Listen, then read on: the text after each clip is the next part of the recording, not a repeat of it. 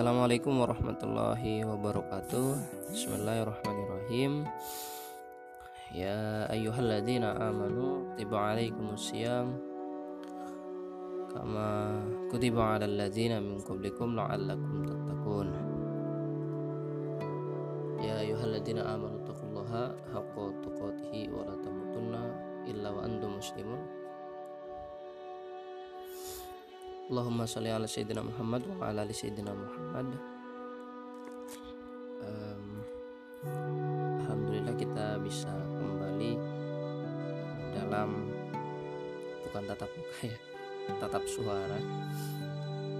Kembali dalam episode um, kali ini yang mungkin sudah cukup lama dari episode terakhir uh, kita membahas tentang satu bab atau satu chapter buku ya. Serial inspirasi tentang buku lembaran buku yang berharga kalau tak salah. Nah, pada kesempatan kali ini kita tidak uh, akan mengulas utuh satu buku atau mengulas tentang buku buku begitu ya. Tapi karena momentumnya Ramadan kita akan coba mengulas satu tema yang mungkin sebenarnya agak agak telat ya. Kenapa agak telat? Harusnya tema ini kita bahas jauh-jauh sebelum Ramadan harusnya. Karena untuk mempersiapkan uh, datangnya datangnya Ramadan begitu karena untuk mempersiapkan datangnya Ramadan. Nah pada kesempatan kali ini kita akan berbincang tentang sebenarnya tidak jauh ya dari buku yang saya pernah saya tulis yaitu buku menggembirakan jiwa. Jadi berkaitan dengan pengendalian jiwa atau pengendalian diri atau perbaikan diri kira-kira begitu ya. Nah, momentumnya sebenarnya sangat tepat karena kita mendapati eh, uh, 30 hari momentum Ramadan ya. Ini sangat tepat untuk menggembirakan istilah istilah saya menggembirakan jiwa ya. Maksud saya adalah untuk mengendalikan jiwa. Ini adalah satu momentum satu bulan full yang bisa membuat kebiasaan-kebiasaan kita berubah sebenarnya. Nah makanya tadi saya bilang uh, sebenarnya momentum ini bisa bisa jadi sangat telat. Saya membahas membahas ini di hampir Ramadan ini kita sudah mau habis ya, sudah mau Lebaran. Ya hampir kita memasuki 10 hari terakhir. Nah tapi tak apa, ya bahkan sudah mau 10 hari terakhir ya. Jadi eh, semoga saja pembahasan ini meski mungkin cukup telat ya setidaknya di 10 hari terakhir nanti atau di hari-hari terakhir Ramadan kita bisa memaksimalkannya dengan baik. Untuk kemudian eh, mencoba menggembirakan jiwa kita ya mengendalikan jiwa beberapa materi ini sebenarnya berkaitan dengan tadi sudah saya sebutkan dengan buku saya yang berjudul menggembirakan jiwa. Kemudian eh, materi ini juga berkaitan dengan tarbiyah zatiyah ya tarbiyah zatiyah. Ya saya kira kawan-kawan sebuah sudah paham dengan materi tarbiyah zatiyah ya. Nah, dua materi itu yang akan kita bahas pada kesempatan kali ini. Nah, sebenarnya materi-materi ini pernah saya sampaikan ya di beberapa daurah ataupun kajian tapi temanya memang khusus tarbiyah zatiyah atau pengendalian mengendari atau tazkiyatun nafs begitu. Nah, tapi pada kesempatan ini kita coba ambil satu tema berkaitan dengan Ramadan sebagai uh, bulan pengendalian jiwa ya. Ramadan sebagai pengendalian jiwa. Nah, harapannya dari satu bulan yang bisa kita gunakan untuk berlatih mengendalikan jiwa. Bulan-bulan ke depan itu menjadi bulan yang akan terus bisa kita jaga dalam hal pengendalian jiwa ini. Nah makanya sebenarnya bulan ini sangat bermanfaat untuk prosesi itu. Karena ada banyak hal suasana yang berbeda misal ada suasana yang berbeda kemudian mayoritas masyarakat di sekitar kita pun mendukung tentang prosesi pengendalian jiwa itu tidak seperti biasanya ya. Nah, misal uh, kalau bulan-bulan biasanya uh, kita mendapati banyak orang uh, misal makan dengan semaunya kemudian marah-marah ya mungkin yang berkata buruk juga itu mungkin di bulan Ramadan sedikit berkurang misal begitu. Dan semua lingkungan di sekitar kita mendukung untuk itu. Nah, pun artinya kita, untuk kita berbuat tidak baik pun artinya lingkungan tidak mendukung kira-kira begitu. Jadi mendukung untuk berkondusif untuk berbuat baik. Nah itu salah satu hikmahnya. Nah dan memang puasa berpuasa itu adalah bagian dari kita uh, bagian dari cara ya. Saya menyebutnya sebagai cara untuk mengendalikan jiwa. Dan cara paling efektif memang berpuasa. Baik itu berkaitan dengan emosi kemarahan berkaitan dengan sifat kerakusan berkaitan dengan uh, syahwat ya dalam tanda kutip misal uh, mengekang ya. Syahwat apa namanya dalam tanda kutip suka rasa suka begitu ya ataupun karena belum bisa menikah begitu belum mampu menikah nah, berpuasalah ya puasa yang menjadi sarana yang sangat efektif dan hampir uh, para sufi para ulama khususnya para sufi itu menjadikan puasa ini sarana yang paling ampuh ya paling mantap dalam proses pengendalian jiwa atau perbaikan diri. Hmm. kira-kira begitu. Makanya kenapa tema Ramadan sebagai pengendalian jiwa sebagai bulan pengendalian jiwa adalah tema yang sangat bagus untuk kita bahas tapi seharusnya memang kita bahas jauh-jauh sebelum Ramadan. Karena para sahabat bisa dua bulan sebelumnya empat bulan sebelum Ramadan itu sudah sudah mempersiapkan Ramadan kembali. Ya dengan banyak berpuasa dengan banyak beribadah berzikir dan sebagainya. Nah kita tentu biasanya mempersiapkan kan mepet-mepet ya bahkan setelah ya tahu-tahu puasa ya tahu-tahu lebaran ya tahu-tahu puasa lagi kan biasanya seperti itu. Jadi uh, jarang sekali kemudian mempersiapkan berbulan-bulan. Tapi karena kita sudah datang pada hampir bahkan mungkin masuk nanti segera ya ke 10 hari terakhir maka kita bisa optimalkan kembali lah. Banyak sekali keutamaan bulan Ramadan tidak perlu kita bahas di uh, ulasan atau podcast singkat kita tapi kita coba nanti kita fokus ke uh, proses pengendalian jiwanya ya proses pengendalian jiwanya. Jadi Ramadan ini uh, lebih pada uh, kondusif ya kondisi yang kondusif untuk kita melakukan hal itu jika uh, di luar bulan-bulan yang lain. Di luar bulan yang lain mungkin godaannya lebih banyak tetapi di bulan ini yang saat ini sedang kita jalani godaannya akan lebih sedikit dan lingkungannya lebih kondusif. Kira-kira begitu ya. Nah um, berkaitan dengan terbiasa itu ya atau perbaikan diri atau pengendalian jiwa ini tasqiyatun nafs. Makanya biasanya sih uh, saya selalu ngomong di awal kita kenapa kok perbaikan diri ini penting. Mengapa mengembirakan jiwa? Mengapa mengendalikan jiwa ini penting? Ya karena eh, saya telah menuliskan eh, di buku saya di buku mengembirakan jiwa saya menulis bahwa persoalan yang begitu besar di hari ini baik dari persoalan individu sampai persoalan negara persoalan internasional dan sebagainya itu ternyata persoalannya lagi-lagi pasti akan kembali kepada masing-masing individu ya gak ya individu yang memegang jabatan individu yang memegang urusan publik kalau kita bisa bicara soal publik. Dan individu persoalan ketika persoalan individu ya kembali kepada individu-individu itu. Makanya Rasulullah diturunkan kan sebagai apa? Ya sebagai uswatun hasanah ya, untuk memperbaiki akhlak ya. seperti misal tertuang dalam surat Al-Ahzab ya ayat 21 maupun surat Al-Anbiya 107 ya wa ma arsalnaka illa rahmatan lil alamin. Jadi yang Rasulullah turun ini untuk menjadi rahmat ya. Menjadi uswatun hasanah menjadi teladan yang terbaik ya. Memperbaiki akhlak ya. Dalam satu hadis yang lain disebutkan untuk memperbaiki akhlak ya. Aku diutus diturunkan untuk memperbaiki akhlak. Nah karena setibanya ya saya membahasakan setibanya akhlak itu baik pada setiap diri individu maka sampai urusan publik pun menjadi baik. Ketika akhlak-akhlak individu itu pun baik ya. Nah persoalannya kan begitu. Otomatis nanti uh, tidak ada yang namanya orang korupsi tidak ada orang yang namanya menggelapkan dana bantuan sosial tidak ada yang namanya uh, kebijakan yang mencela-mencela misal tidak ada namanya uh, mementingkan kepentingan individu padahal lagi pandemi misal begitu ya. Nah hari ini kan sangat banyak di lingkaran kekuasaan yang memanfaatkan potensi-potensi itu.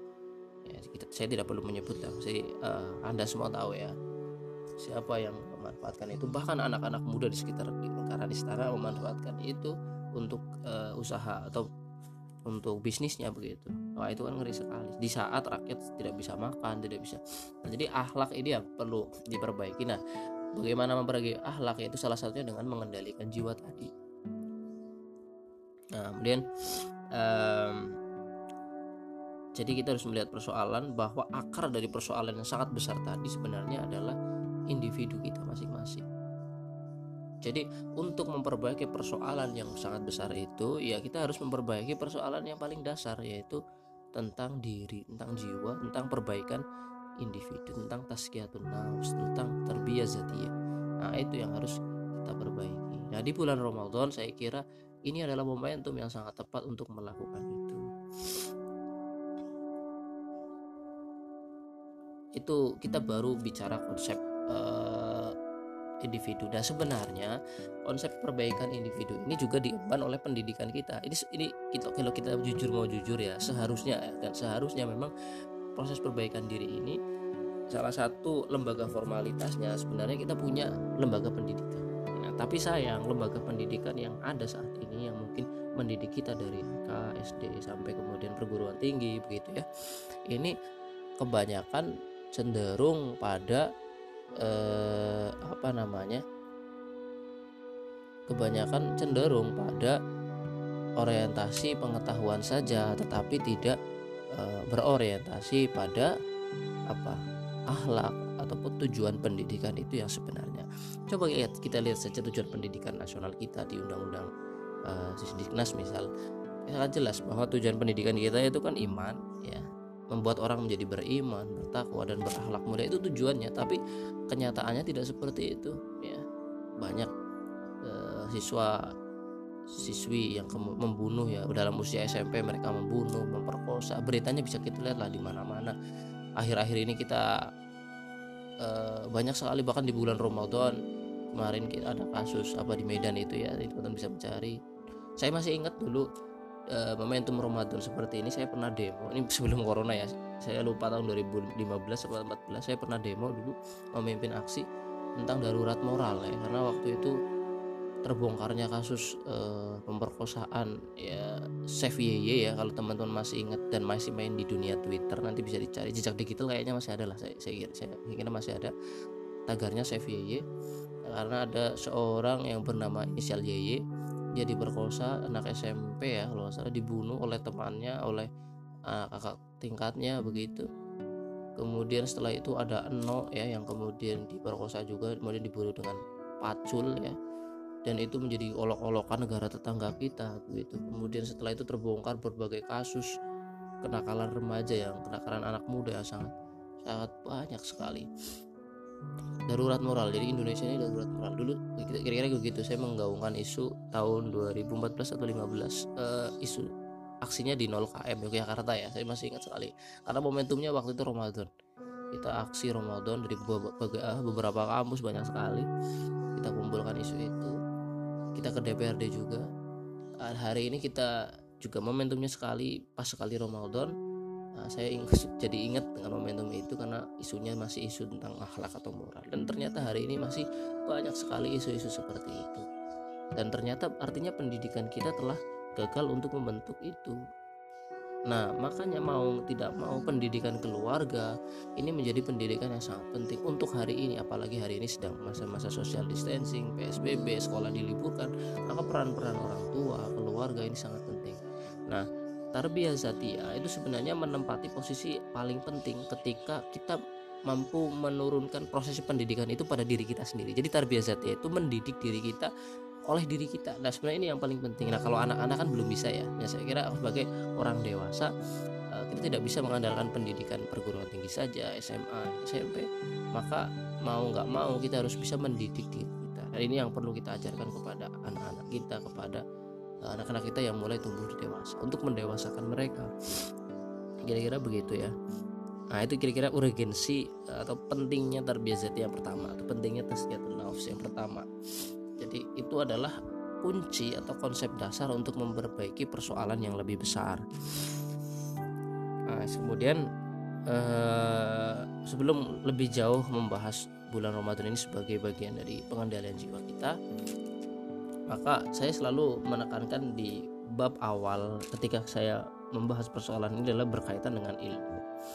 Entah eh, kenapa ya tapi memang saya merasa bahwa problem ilmu ini adalah problem terbesar ya yang terjadi pada kita saat ini ilmu dalam arti adalah uh, ilmu yang sebenarnya Oke lah hari ini kita sudah mencapai kemajuan sains yang sangat luar biasa Pengetahuan yang sangat luar biasa ya Tentang sains, tentang alam semesta ya Fisika modern, biologi, biologi modern ya bioteknologi ya kita sudah masuk ke dunia yang sangat baru dan sangat besar. Nah, tetapi ketika keilmuan sampai di situ dan tidak didasari dengan pandangan hidup atau sudut pandang agama kita atau Islam juga akan berbahaya ya bisa jadi teknologi akan merusak peradaban kita ya rekayasa genetik akan merusak peradaban kita misal begitu ketika tidak bermawas diri dan tidak menggunakannya sesuai dengan ajaran agama. Di sini agama menemui titik temunya kira-kira begitu. Artinya uh, jangan sampai kemudian kemajuan ilmu pengetahuan dan teknologi itu tidak sesuai dengan arahan dari agama. Kira-kira begitu. Dan itu yang uh, barangkali hari ini terjadi ya, hari ini terjadi. Sehingga uh, dengan adanya kerusakan ilmu itu bukti ya misal adanya kerusakan ilmu kita sangat melihatlah misal ada disertasi seorang doktor ya misal di kampus Yogyakarta yang mengatakan zina itu dibolehkan atau legal begitu ya ya teman-teman pasti tahu kabarnya itu dan akan dimasukkan ke dalam tatanan hukum misal diajukan. Nah itu kan ngeri sekali. Artinya ada ada ilmu yang rusak di situ. Barangkali konsepnya di idenya bagus mungkin ya. Eh, ingin membuat kedamaian dan sebagainya. Dalam kutip eh ternyata bertabrakan dengan pandangan Islam yang itu adalah sudah kokoh gitu. Anak kecil pun udah tahu tentang persoalan itu. Itu mau dirubah.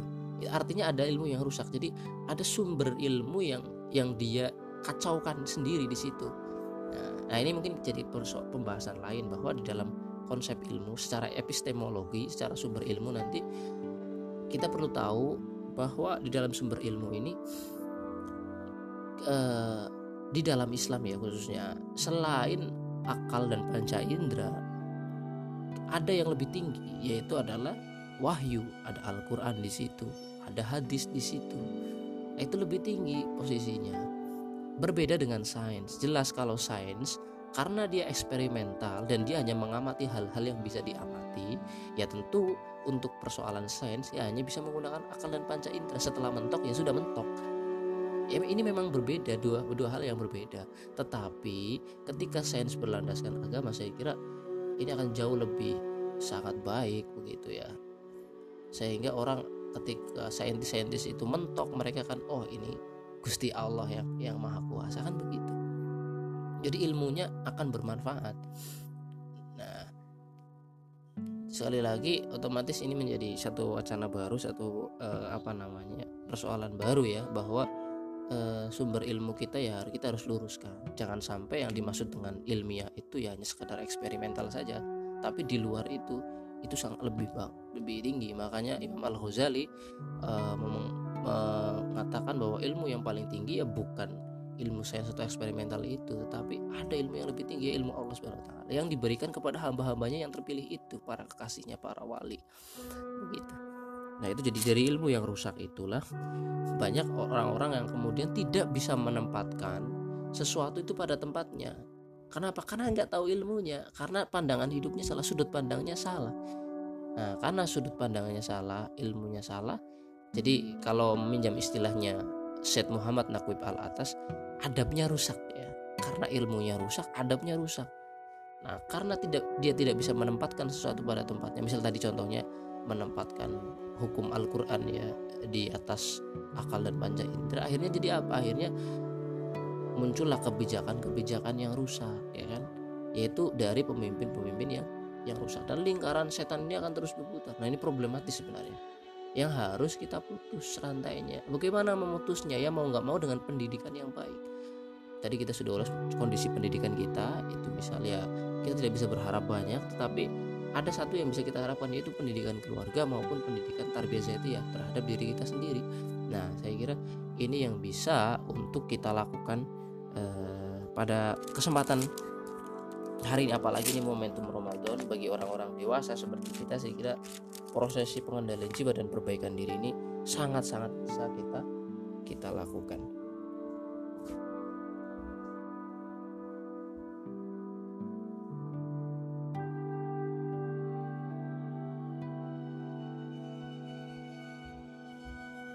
Baik, um, kita sekarang masuk ke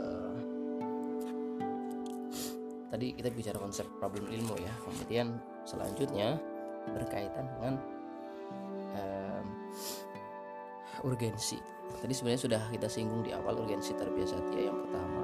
Ya tadi berkaitan dengan konsepsi dasar ya. Jadi sekali lagi uh, terbiasa ya atas kiatun nafs ini menjadi fondasi lah ya. Fondasi untuk menyelesaikan berbagai persoalan yang ada. Walaupun ini jangka panjang lah ini jangka sangat benar ini sangat jangka panjang karena untuk memperbaiki setiap orang pasti dibutuhkan waktu yang yang sangat lama begitu. Kemudian eh, yang kedua saya kira untuk urgensi menjaga diri ya menjaga diri. Eh, mungkin kawan-kawan bisa melihat misal di Quran surat apa At-Tahrim ya misal ayat 6 ayat yang sangat populer ya. Ya ayyuhalladzina amanuku anfusakum wa ahlikum naro ya, wahai orang-orang yang beriman pelihara dirimu dan keluargamu dari api neraka. Ya itu. Karena untuk e, menjaga diri. Jadi urgensi yang kedua adalah menjaga diri itu didahulukan. Ya menjaga diri kita dan keluarga kita. Karena ini yang akan pertama di dihisap.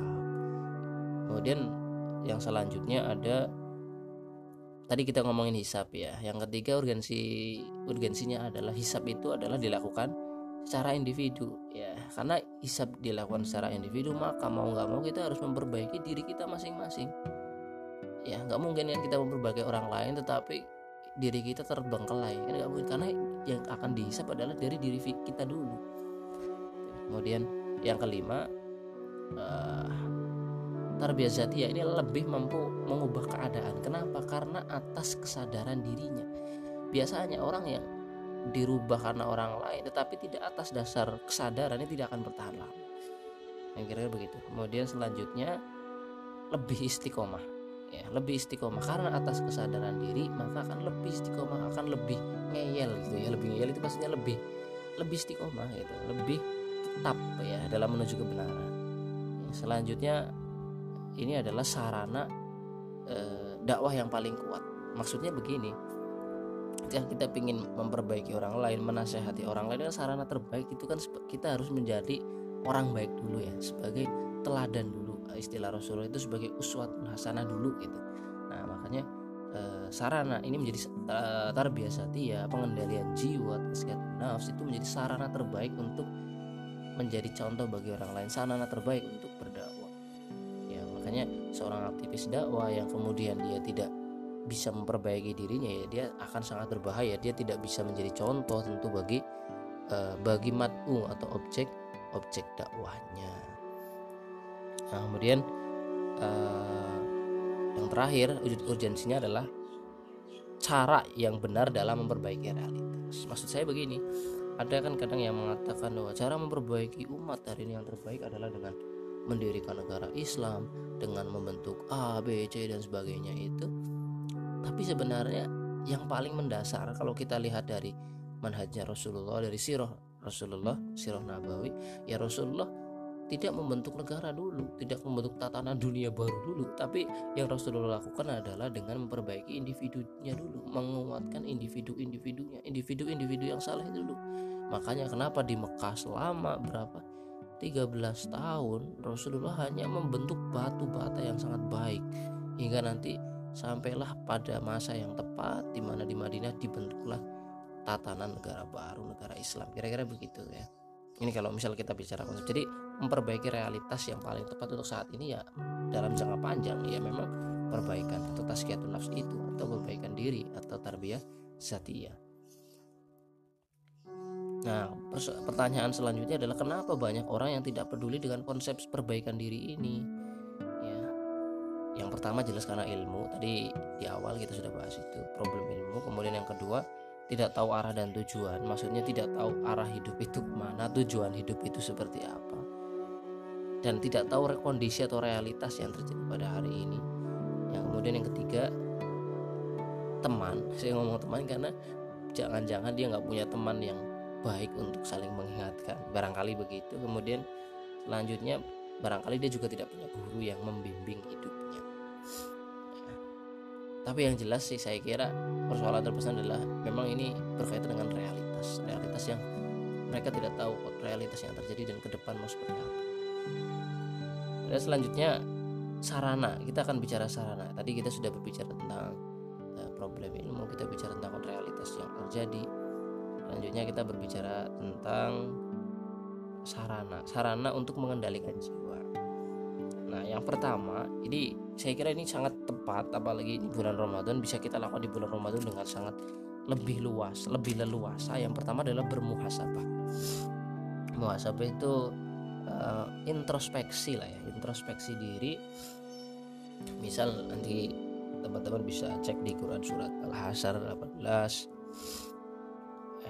jadi bermuhasabah ini kalau Nabi ini memerintahkan kita untuk setiap malam ya kita coba sebelum tidur merefleksi hari ini keburukan apa yang sudah kita lakukan. Kemudian hal yang sebenarnya tidak perlu dilakukan kok kita lakukan? Kemudian eh, apalagi misal hal-hal yang mubah misal yang sebenarnya bisa digunakan untuk melakukan yang lain kok malah melakukan yang sia-sia misalnya seperti itu. Nah, itu itu contoh bermuhasabah.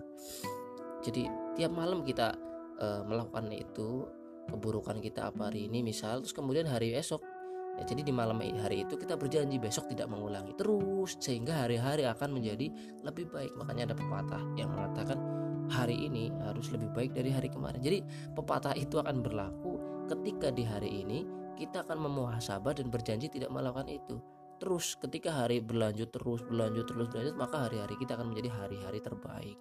Hari-hari akan menjadi hari-hari yang semakin semakin baik. Jadi bermuhasabah itu yang pertama. Kemudian yang kedua adalah bertaubat. Ya bertaubat. Setelah bermuasabah kita tahu kesalahan kita kita tahu kekurangan kekurangan kita dan kita ingin memperbaiki. Kita berjanji di situ. Kita berjanji kepada Allah kita bertaubat kepada Allah. Besok saya tidak akan melakukannya apalagi sekarang di bulan Ramadan dari mana teman-teman banyak terjaganya lebih lama sehingga banyak waktu untuk bisa merenung untuk bisa memikirkan tentang diri sendiri banyak bisa berkaca diri sendiri. Kira-kira untuk bermuasabah pasti tidak butuh waktu yang lama lah ya. Selama misal teman-teman tidur dan sebagainya begitu kemudian setelah bertobat adalah yang ketiga mencari ilmu atau menuntut ilmu. Menuntut ilmu ini sangat penting karena ini e, minimal sekali kita tahu lah e, berkaitan dengan ilmu agama. Sehingga kita bisa mendudukkan sumber-sumber ilmu pada tatanannya yang benar. Sehingga ketika kita uh, memang menjadi menjadi saintis misal menjadi sarjana-sarjana yang di dalam bergula dalam teknologi ilmu pengetahuan kita tidak kemudian lantas menjadikan uh, ilmu pengetahuan ini sebagai pedoman hidup kita ya. Tetapi ya dia sebagai sarana saja. Karena berbahaya ketika sains ilmu pengetahuan modern ini jadi dijadikan sebagai pedoman hidup. Karena akan terus berubah akan muncul hukum baru muncul teori baru. Ketika itu dijadikan sebagai argumen pedoman ya. Bahaya makanya kan banyak sekali ya uh, kritikan yang masuk ke dalam uh, teori islamisasi sains yang berkaitan dengan uh, justifikasi. Misal uh, wah ternyata teori Big Bang sudah pernah dibicarakan di Al-Quran. Itu seperti itu kan misal berbahaya. Karena karena yang namanya teori ya, yang namanya persoalan sains itu kan bisa berubah-ubah. Seiring ditemukannya penemuan terbaru. Berbahaya ketika penemuannya baru ternyata sudah sebelumnya diklaim karena Al-Quran. Jangan nanti Al-Quran bisa disalahkan kan begitu? Karena Al-Quran bukan buku sains kan begitu ya? Bukan buku ilmu eksperimental ilmu pengetahuan uh, penemuan-penemuan gitu. Ya ya kitab yang kita miliki untuk menjadi pedoman hidup. Ya dalikal kitabu la roiba fi itu gitu ya kalau dalam surat al-baqarah. Nah kemudian eh, apa selanjutnya setelah ilmu tadi kemudian yang keempat adalah beramal soleh. Ya cara untuk mengendalikan jiwa yang kuat adalah dengan beramal soleh. Yang pertama ya kita harus selalu mengutamakan yang wajib. Jadi yang wajib dioptimalkan dulu jangan sampai bolong-bolong. Nah baru nanti masuk yang sunnah. Biasanya kan hari ini kebalik nyunah dulu nyunah dulu nyunah dulu. Tapi jangan-jangan kewajibannya lupa. Kewajiban sholat lima waktunya kewajiban zakatnya misal kewajiban uh, dan lain-lain yang memang itu wajib malah mikirin yang sunnah dulu. Uh, misal tahajudnya banyak duanya banyak tetapi sholat fardunya bolong misal begitu. Jadi yang pertama dulu yang wajib dulu dibiasakan jangan bolong. Misal selama satu minggu berusaha wajibnya jangan bolong. Setelah itu baru yang sunnah ditingkatkan. Kemudian zikir atau mengingat Allah dalam setiap waktu. Makanya di sini ada konsep di dalam Islam itu ada konsep Islam iman dan ihsan. Ada konsep ihsan di dalam Islam yaitu kita dalam setiap kita bertindak kita percaya bahwa Allah itu melihat kita.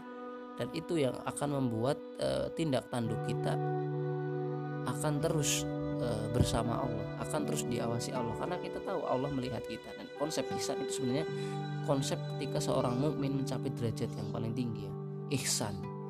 Ya. Jadi dan ini sangat sulit ya karena biasanya banyak yang lalai. Kemudian yang kelima adalah memperbaiki akhlak kayak tadi. Jadi untuk memperbaiki akhlak ini ya kita mengendalikan jiwa kita Nah, bagaimana untuk memperbaiki akhlak ini? Pertama adalah dengan menundukkan nafsu tadi ya, menundukkan nafsu dengan cara riyadhah. Kita selalu ngomong riyadhah. Apa itu riyadhah? Melakukan hal-hal yang biasa dilakukan oleh sufi ya, para ulama sufi untuk menundukkan nafsu ya. Misal berpuasa. Jadi saya di awal sudah menyebutkan dan momentum Ramadan adalah momentum yang sangat tepat untuk menundukkan nafsu itu. Berpuasa misal orang yang syahwatnya tinggi yang uh, ketika melihat perempuan atau lawan jenis kemudian bergetar begitu ya dalam tanda kutip. Dengan berpuasa ini dia akan mencoba menahan itu. Kemudian selain puasa juga dengan melakukan hal-hal sebaliknya. Saya selalu melakukan begitu. Cara terbaik untuk menundukkan nafsu adalah dengan melakukan hal sebaliknya atau hal yang tidak kita sukai. Misal uh, kesukaan kita dalam makan dalam jumlah banyak dan makan makanan yang mewah misal. Cara terbaik untuk mengatasi itu apa kira-kira ya dengan tidak makan atau mengurangi makan kita atau menjadi makan kita menjadikan makan kita makanan yang biasa saja dan membeli makanan-makanan yang mahal mewah itu kemudian bagikan ke orang lain kan persoalan sosial teratasi persoalan diri kita juga teratasi gitu nah itu misal gitu Nah, setiap orang dia akan memiliki persoalannya sendiri-sendiri. Nah, ini nanti seni ya, seni memperbaiki diri atau menundukkan nafsu itu di sini. Karena setiap orang dia punya persoalannya sendiri-sendiri, maka Pak obat paling mujarab adalah yang pertama, ketahui dulu penyakit kita masing-masing. Apakah penyakitnya berkaitan dengan lawan jenis, apakah dengan makanan, apakah dengan tidur misal, penyakit tidur ya. ya kemudian penyakit apalagi sakit hatian misal atau jabatan misal begitu kita punya masing-masing itu dan cara terbaik untuk mengalahkannya adalah dengan melawannya melawan baliknya. Ketika penyakit itu adalah penyakit tidur ya cara terbaiknya ya dengan cara misal kita tidak tidur di kasur mengurangi jam tidur misal dengan melakukan hal-hal yang positif sehingga uh, tidur itu menjadi semakin sedikit. Mengurangi makan misal banyak hal yang bisa kita cari caranya untuk mengurangi itu. Jadi dengan cara sebaliknya artinya kita melakukan hal-hal yang tidak biasa dan tidak disukai dan itu beratnya karena itu berat maka itulah seninya di situ. Yang pertama tadi ketahui dulu penyakit kita ya, ya untuk menundukkan nafsu. Kemudian yang kedua lakukan cara sebaliknya. Itu cara paling eh, ampuh untuk menundukkan nafsu. Kemudian yang kedua membersihkan hati dan akhlak buruk ya. Bersikir ya. Mengetahui eh, penyakit-penyakit hati dan berusaha untuk menjauhinya.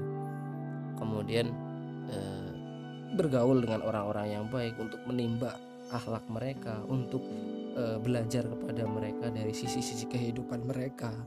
Kira begitu.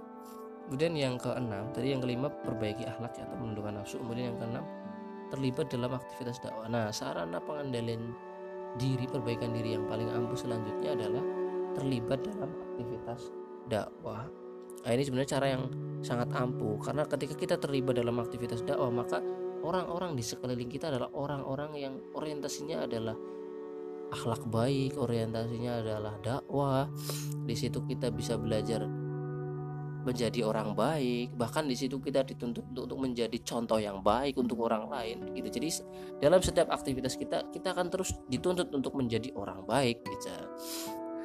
Kemudian yang ketujuh bermujahadah. Nah, ini adalah eh, bersungguh-sungguh ya. Karena nggak mungkin uh, memperbaiki atau menundukkan jiwa kita tapi kita tidak pernah bersungguh-sungguh ya. Tentu ini tidak akan pernah bisa kan gitu ya. Uh, uh, misal dalam surat apa Al-Ankabut itu ya. Ayat 69 jadi teman-teman bisa mencari itu. Itu surat ke 29 ya ayat ke-69 coba kita baca.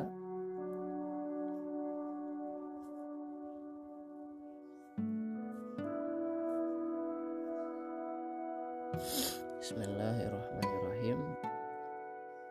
Walladzina jahadu fina lanahdiyannahum subulana wa innallaha lama'al muhsinin. Dan orang-orang yang berjihad ya bersungguh-sungguh untuk mencari keridhaan kami kami akan tunjukkan kepada mereka jalan-jalan kami dan sungguh Allah beserta orang-orang yang berbuat baik. Di sini dalam surat Al-Ankabut sangat jelas bahwa ketika kita berjihad di jalan Allah, bersungguh-sungguh di jalan Allah ini, maka Allah akan menunjuki jalan kepada kita. Ya bermujahadah. Makanya ketika kita memang sudah menaikkan diri kita untuk memperbaiki diri, untuk menundukkan nafsu apalagi di bulan yang mulia seperti ini yang lingkungannya sangat kondusif insya Allah Allah akan menunjukkan jalannya kalau kita mau ya kalau kita mau. Tapi sayangnya kalau kita sudah tidak bersungguh-sungguh sudah hanya bersemangat di hari pertama kemudian hari kedua loyo hari ketiga lebih loyo lagi ya jalan itu tidak akan terbuka. Ya jadi namanya hidayah itu ya kita datangi. Kan kita begitu. Nah, kemudian yang terakhir adalah berdoa. Ya tidak mungkin usaha kita akan berhasil tanpa diiringi dengan doa. Jadi usaha kita jalan riyadhah kita jalan mujahadah kita terus gitu ya. Tapi jangan lupa berdoa kepada Allah untuk dikuatkan dalam bermujahadah itu dikuatkan dalam riyadhah itu dikuatkan dalam memperbaiki diri itu. Dan tentu ditunjukkan jalan yang baik dipertemukan dengan orang-orang yang baik dan sebagainya.